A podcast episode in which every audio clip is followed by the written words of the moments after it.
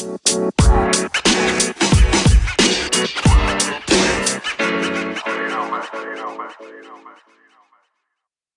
um, uit die woord uit lees en ingaan in die woord in en ek's opgewonde vir dit wat hier op my hart gelê het. Want um, soos ek gesê het, dis 'n boodskap van hoop. So kom ons gaan in die skrif en as jy 'n notaboek het, as jy jou Bybel by jou het, as jy jou version by jou het, dan kan jy na Markus 6 toe gaan.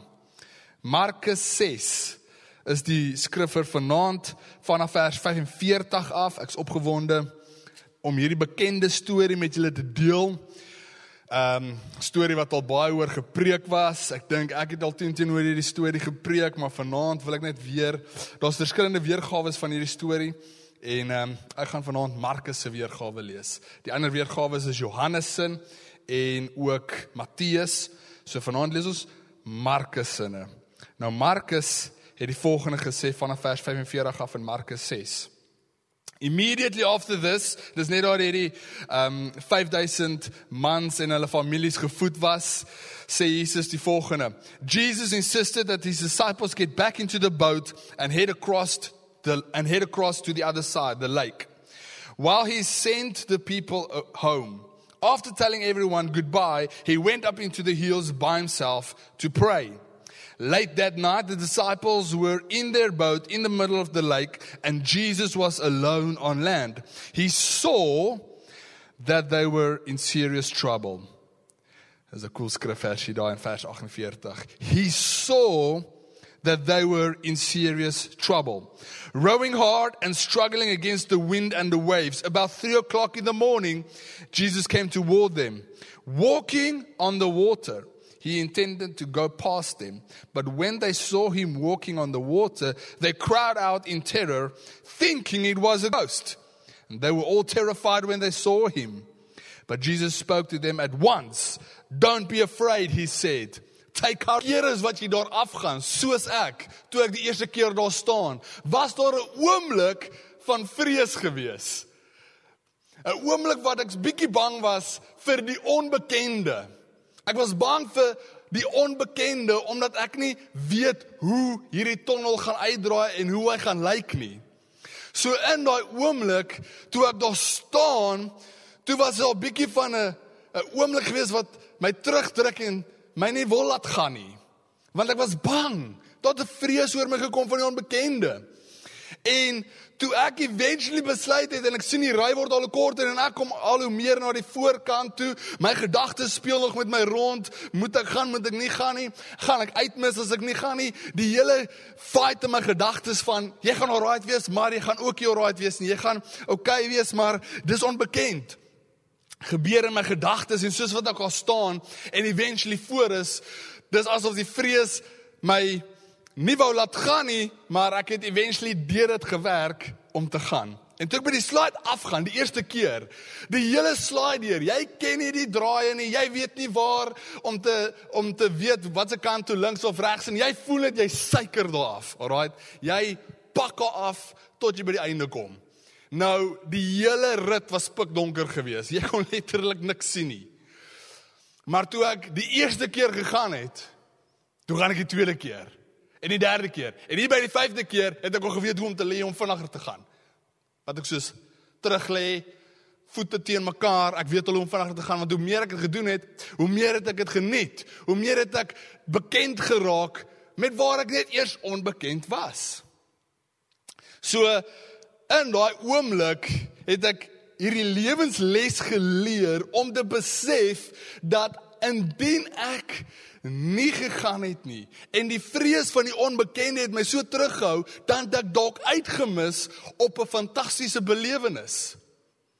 Op 'n oomblik wat ek gevoel het op 'n oomblik wat ek dalk bietjie bang was, het ek dalk uitgemis indien ek nie deurgedruk het nie. Maar as ek terugkyk, dan besef ek in my lewe, net soos in jou lewe, soos wat ek die vraag by jou dalk wil drop, hoe baie keer het jy dalk nie die onbekend as gevolg van die onbekende gemis dinge in jou lewe nie, dinge in jou lewe gemis nie. As gevolg van die vrees vir die onbekende. So ek wil vanaand vir jou vra. Hoe baie keer word jy vasgevang met die vrees van die onbekende? wanneer jy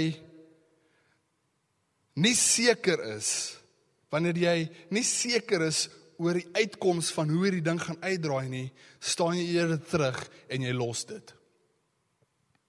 Hoe baie geleenthede het jy dalk gemis in jou lewe as gevolg van die vrees vir die onbekende?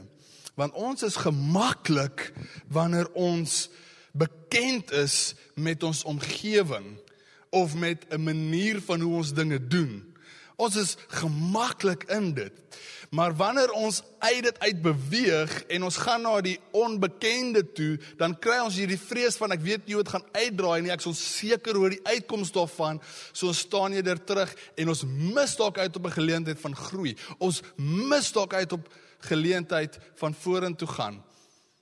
En dan wonder ons hoekom groei ons nie? Hoekom stagneer ons? Hoekom bly ons waar ons bly? Net soos die onbekende 'n oomblik was vir my in die begin van daai tonnel, weet ek baie keer gebeur die onbekende oomblikke in jou lewe in die middel. Alraight. In hierdie storie wil ek gesels oor die middel. Want Jesus het gesê daar's 'n spesifieke 'n eh, kant na waar jy nou toe moet gaan. Jy moet in die bootjie klim en jy moet na die ander kant toe gaan. Nou kry ons vir die disippels wat stak is in die middel. So jy het die begin, die begin is natuurlik die oomblik in jou lewe wat jy voel, um, ek ek's reg vir hierdie, ek kan nie wag om dit aan te pak nie. Ek weet waarna toe ek wil gaan en dan in die middel kom jy en dit lyk onbekend en stak en donker. Jy sit met struggles en storms en jy weet nie waarna toe gaan nie.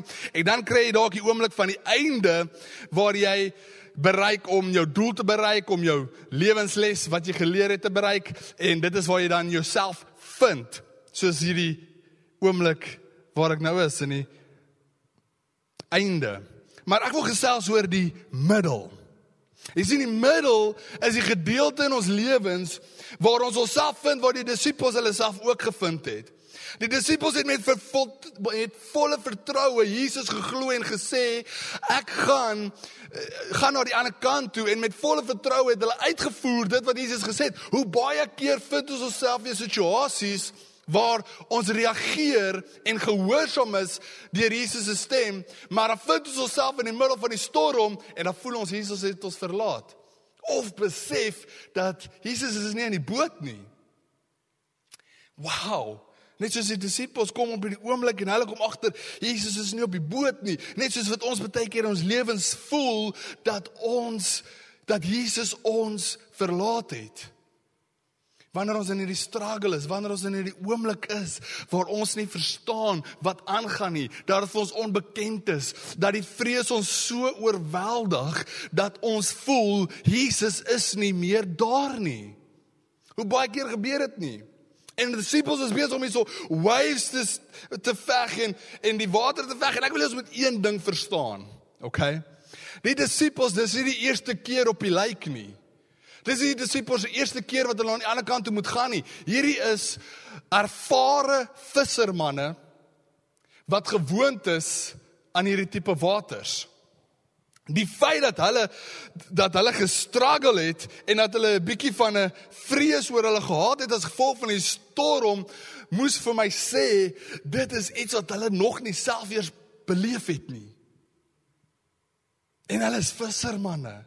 Hoe baie keer vind ons onsself in situasies nie ons dink ons het hierdie uitgesorteer. Ek ken hierdie oomblik in my lewe. Ek weet wat gaan nou gebeur. Ek weet hoe om dit nou te hanteer en skielik is hierdie golwe groter as wat jy verwag het. Skielik is hierdie dinge in jou lewe erger as wat jy verwag het en dit is onbekend vir jou.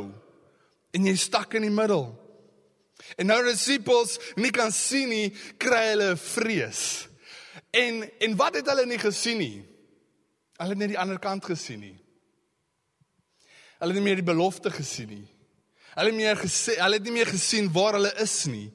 Dit was pikdonker. Die golwe is so groot, jy kan nie sien as jy nader aan die kant wat jy begin het of as jy nader aan die kant waar jy moet eindig. As jy daar is jy naby aan rotse wat jy nie moet by wees nie. Jy het nie idee wat se rigting om te gaan nie. En as ons onbekend is van waar ons is en ek verstaan nie wat aangaan nie, ek weet nie wat om nou te doen nie, dan vind ons onsself in oomblikke wat ons vrees agtig is en net voel ek kan nie meer aangaan nie. Dis baie keer waar ons opgee is in die middel. Wie gee op aan die begin? Niemand nie. Aan die begin is lekker. Nee ek hassel. Nee ek doen my ding. Nee hier is 'n lekker werk. Skielik 2 jaar later in dieselfde werk wat jy so opgewonde oor was, jou seisoen is nog steeds by die werk, jou seisoen is nog steeds om daar te wees, maar jy voel onbekend waar jy nou is. Dis ewe skielik nie meer lekker nie. Maar in die begin was dit lekker. Ek's getroud vir die wat nog nie weet nie. Ek is nog begin het van die huwelik. En natuurlik het ek baie stories al gehoor van ja, wag net nog 3 maande, 4 maande, 'n jaar van nou af dan praat ons weer. Dan gaan ek jou weer vra wie gelukkig is. By all means, go for it. Miskien 60 jaar van nou af. Gaan daar challenges wees? Absoluut gaan daar dinge wees absoluut. Maar wanneer ons in die middel kom moet ons besef dit is waar meeste van ons opgee.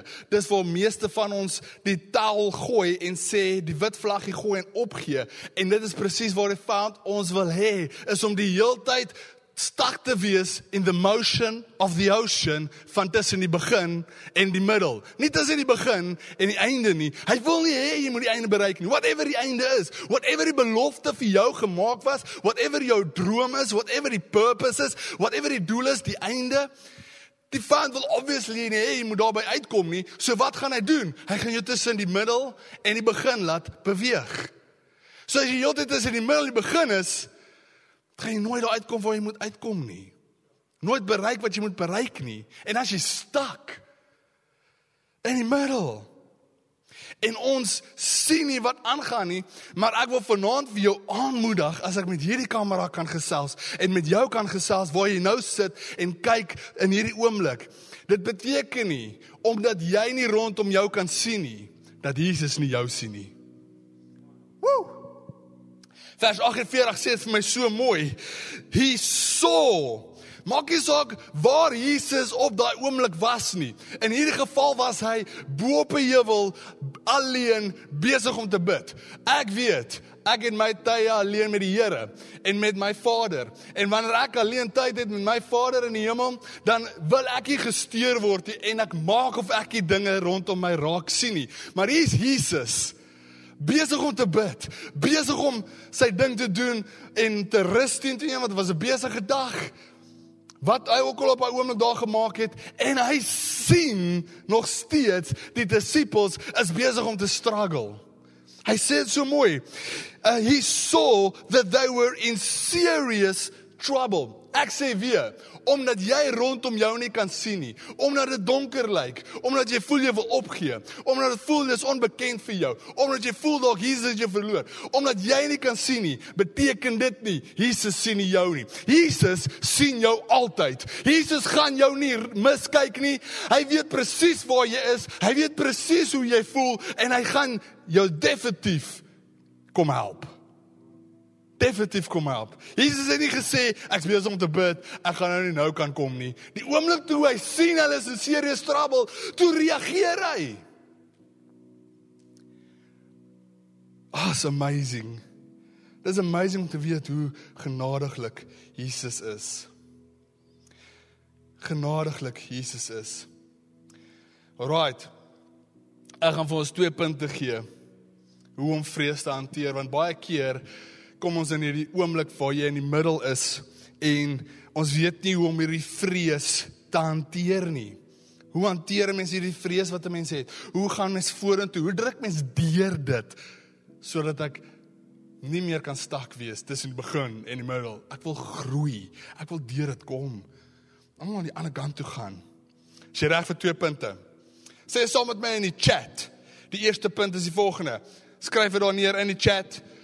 As jy kan chat, as jy hier op TV kyk, obviously kan jy dan chat nie, maar as jy met jou foon besig is om te tik en te kyk, skryf hierdie neer. Sê dit vir my daar in die comments.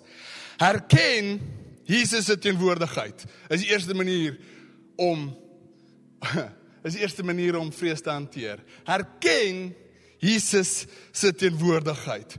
Want Jesus se teenwoordigheid en om dit te besef en dit te ken is die antidote vir vrees. Soek jy die antidote vir vrees? Herken sy teenwoordigheid. Herken sy teenwoordigheid. Wanneer is dit die moeilikste om sy teenwoordigheid te herken? Kom ek sê vir jou wanneer dit is in die middel.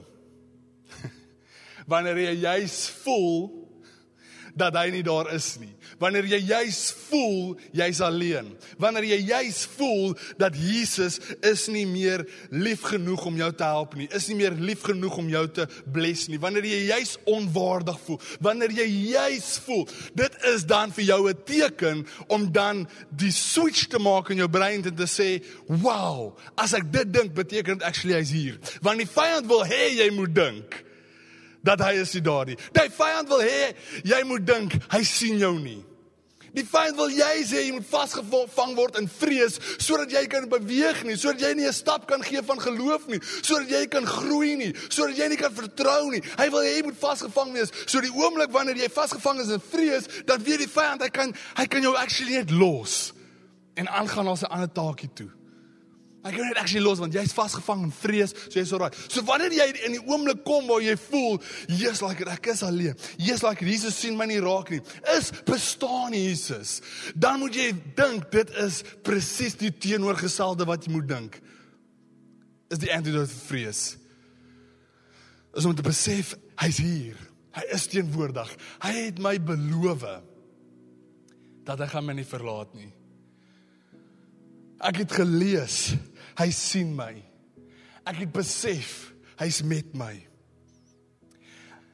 Hierdie cool hierdie cool foto wat al so baie keer gedeel was op social media, so baie keer gedeel was met mekaar is dat daar was hierdie oomblik waar hulle in die sand geloop het. Hierdie hierdie man het hierdie droom gehad hy hy het gesien daar's twee stelle voetspore en Jesus loop saam met hom in hierdie op die strand. Maar in hierdie moeilike tyd van sy lewe, toe hy terugkyk, toe sien hy daar's nie meer twee voetspore nie, daar's nou een stel voetspore. En in daai oomblik toe vra hierdie man vir Jesus wat nou saam met hom geloop het, al die pad, maar in die moeilike tyd sien hy dat Jesus nie saam met hom geloop het nie. Toe sê hy, luister hier, my kind. Daai voetstel voetspore is nie jou stel voetspore nie, dis my stel voetspore, want in die moeilike tyd het ek nie langs jou geloop nie, want jy kon nie loop nie, ek het jou gedra. Come on. Ek het jou gedra deur die moeilike tyd. Ek het jou gedra deur die storm. Ek was met jou. Jy voel dit dalkie, maar ek wil jou vanaand aanmoedig. Hy is met jou. Ek weet dat dit is 'n leuen van die vyand om jou te laat glo hy bestaan nie. Hy het jou nie lief genoeg nie. Hy is nie daar om jou om te gee om jou of jou te voorsien nie. Maar ek wil vanaand vir jou sê dit breek in Jesus Christus naam. Hy is daar. Hy is met jou. Dis wie hy is. Alomteenwoordig. Hy mis niks nie. Herken Jesus se teenwoordigheid is die eerste punt. Die tweede punt om sy om sy ehm um, teenwoordig om om om vrees te hanteer. Die tweede punt om sy vrees te hanteer. Sit dit in chat saam met my. Die tweede punt. Is jy reg? Hou vas aan die belofte. Jo. Hou vas aan die belofte. Hierso kom Jesus, hy sê vir hulle, gaan na die ander kant toe. Gaan na die ander kant toe. Dit is die belofte. Die ander kant is die belofte. Ek wil vanaand vir jou sê dat as jy deur 'n storm gaan, as jy deur 'n oomblik gaan van jou lewe nou of dalk in die toekoms as dit gaan gebeur, wat ook al mag wees of waar jy jouself ook al mag vind, onthou dat as jy deur dit gaan, beteken dit nie die ander kant het verdwyn of vergaan nie. Die ander kant was nog altyd daar. Ten spyte van hoe groot die storm was. Ten spyte van hoe groot die golwe was, hoe in serious trouble hulle was, hoe swak hulle dalk was in daai oomblik, hoe vreesbevange hulle was in daai oomblik, ten spyte van hulle foute, ten spyte van jou foute, ten spyte van wat jy aanvang, ten spyte van waardeur jy gaan, beteken dit nie die ander kant gaan nie meer daar wees nie. Die ander kant is nog altyd daar. As jy iets doen wat jou lewe opmors, as jy iets doen, die belofte gaan nie weg omdat jy 'n oomblik van swakheid beleef nie. Die belofte gaan nie weg omdat jy 'n oomblik van vrees ervaar nie. Die ander kant is nog altyd daar. Al wat jy moet besef is jy moet vashou aan dit wat Jesus vir jou gegee het. Sit jou vertroue op hom. Sit jou lewe in, jou, in sy hande en laat hy jou voetstappe lei na waarna toe jy moet gaan, sodat jy kan deur dit werk en aan die ander kant kom, dit wat hy beloof het. So vanaand, dit wat die Here op in jou lewe ingespreek het, wat se belofte dit ook al mag wees, wat hy ook jou beloof het, dalk is dit deur 'n finansiële struggle, hy beloof jou dat dit aan die ander kant gaan beter wees. Jy sien dit dalk nie, jy weet nie daarvan nie, jy weet nie hoe dit gaan gebeur nie, maar die ander kant is nog altyd daar. Dalk gaan jy deur 'n siekte, dalk gaan jy vir jou familielede deur 'n siekte. Daar's 'n belofte van genesing. Jy verstaan nie waardeur hulle gaan nie. Jy verstaan nie hoekom hulle deur dit gaan nie. Die ander kant is nog altyd daar. Wat dit ook al mag wees, alles werk ten goeie vir die wat hom liefhet in Jesus naam. Come on. Hoe exciting is dit nie? So waar ook al jy deur gaan, die belofte is nog altyd daar. Dis een van die antidotes vir vrees om dit te hanteer. Hou vas aan sy belofte. Hou vas daaraan. Moenie laat gaan nie. Ten spyte soos soos 'n Jakob toe hy ge, geressel het met die engel, het hy nie laat gaan nie. Partykeer moet jy 'n wrestling oomblik in jou lewe dalk hê waar jy nie laat gaan van dit wat die Here beloof het nie. Moenie net tou opgee nie. Moenie net die handdoek ingooi nie. Moenie net die wit vlaggie opwaai en sê ek's klaar en is dan nie. Hou vas. Staan weer môre op. Staan op, dress up, show up en own it. Of voel dit nie lekker nie. Gaan terug werk toe. Gaan terug studies toe. Gaan terug waarna jy opgegee het en sê ek gaan deurdruk. Die Here het beloof ek gaan deur hierdie seisoen van die lewe kom wat so moeilik is. Hy hy is met my. Hy of hy nou my dra of hy nou langs my loop of hy my sien, hy's met my. Maar moenie opgee nie. Moenie opgee nie. Die oomblik toe Jesus in die boot klim in Johannes 6 vers 21 in sy weergawe sê dit hulle was onmiddellik aan die ander kant gewees immediately. So die ander kant was nog altyd daar.